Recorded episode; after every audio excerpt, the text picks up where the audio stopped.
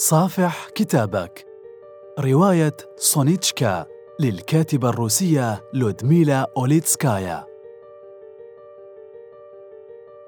سونيا الفتاة التي عاشت بين الكتب لم تتعرف على نفسها فقد دفنت نفسها بين صفحات الكتب حين يمن القدر عليها برجل محب. تشعر في قرارة نفسها أنها لا تستحق كل تلك السعادة فتسائل أقدارها دوما لم يا رب منحتني كل هذا؟ في العمق كانت قد هيأت نفسها لفقدان تلك السعادة التي سلمت بعدم استحقاقها لها. وحين تهدد في سعادتها تتقبل كل ذلك بروح راضية. تنشأ علاقة حميمة بين الفتاة الغضة التي تأويها كيتيمة تستحق الرعاية والحنو وزوجها. وتسلم بكل ذلك لكأنها موعودة بشيء من هذا القبيل.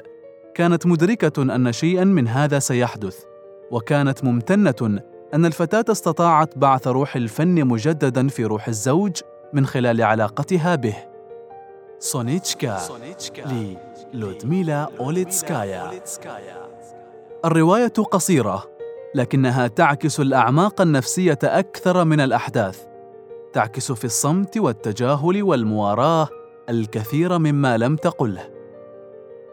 سونيتشكا التي لم يلامس قلبها الحب إلا حينما كانت في سن المراهقة ولم تستطع مواراه نظراتها المسمرة دوما على الفتى الجميل في المدرسة. هذه النظرات التي جاهدت كثيرا لتشغلها بأي شيء لا تنفك وأن تعود للفتى الوسيم. وذات يوم واعدها الفتى في الحديقة وبحضور أصدقائه المختبئين خلف الأشجار وصفعها على خدها. من يومها انهارت أحلام الفتاة وانكفأت على نفسها بين الكتب والمكتبات تعمل وتقرأ ولا تلتفت لشيء. سونيتشكا للودميلا أوليتسكايا.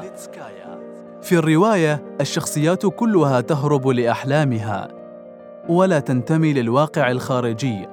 الرواية لا تحكي عن العالم الخارجي سوى ما يضعنا في الزمان والمكان العام فقط.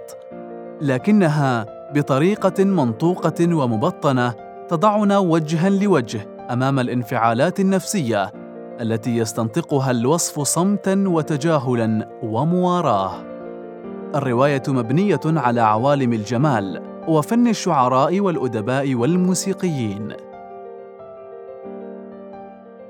صافح كتابك.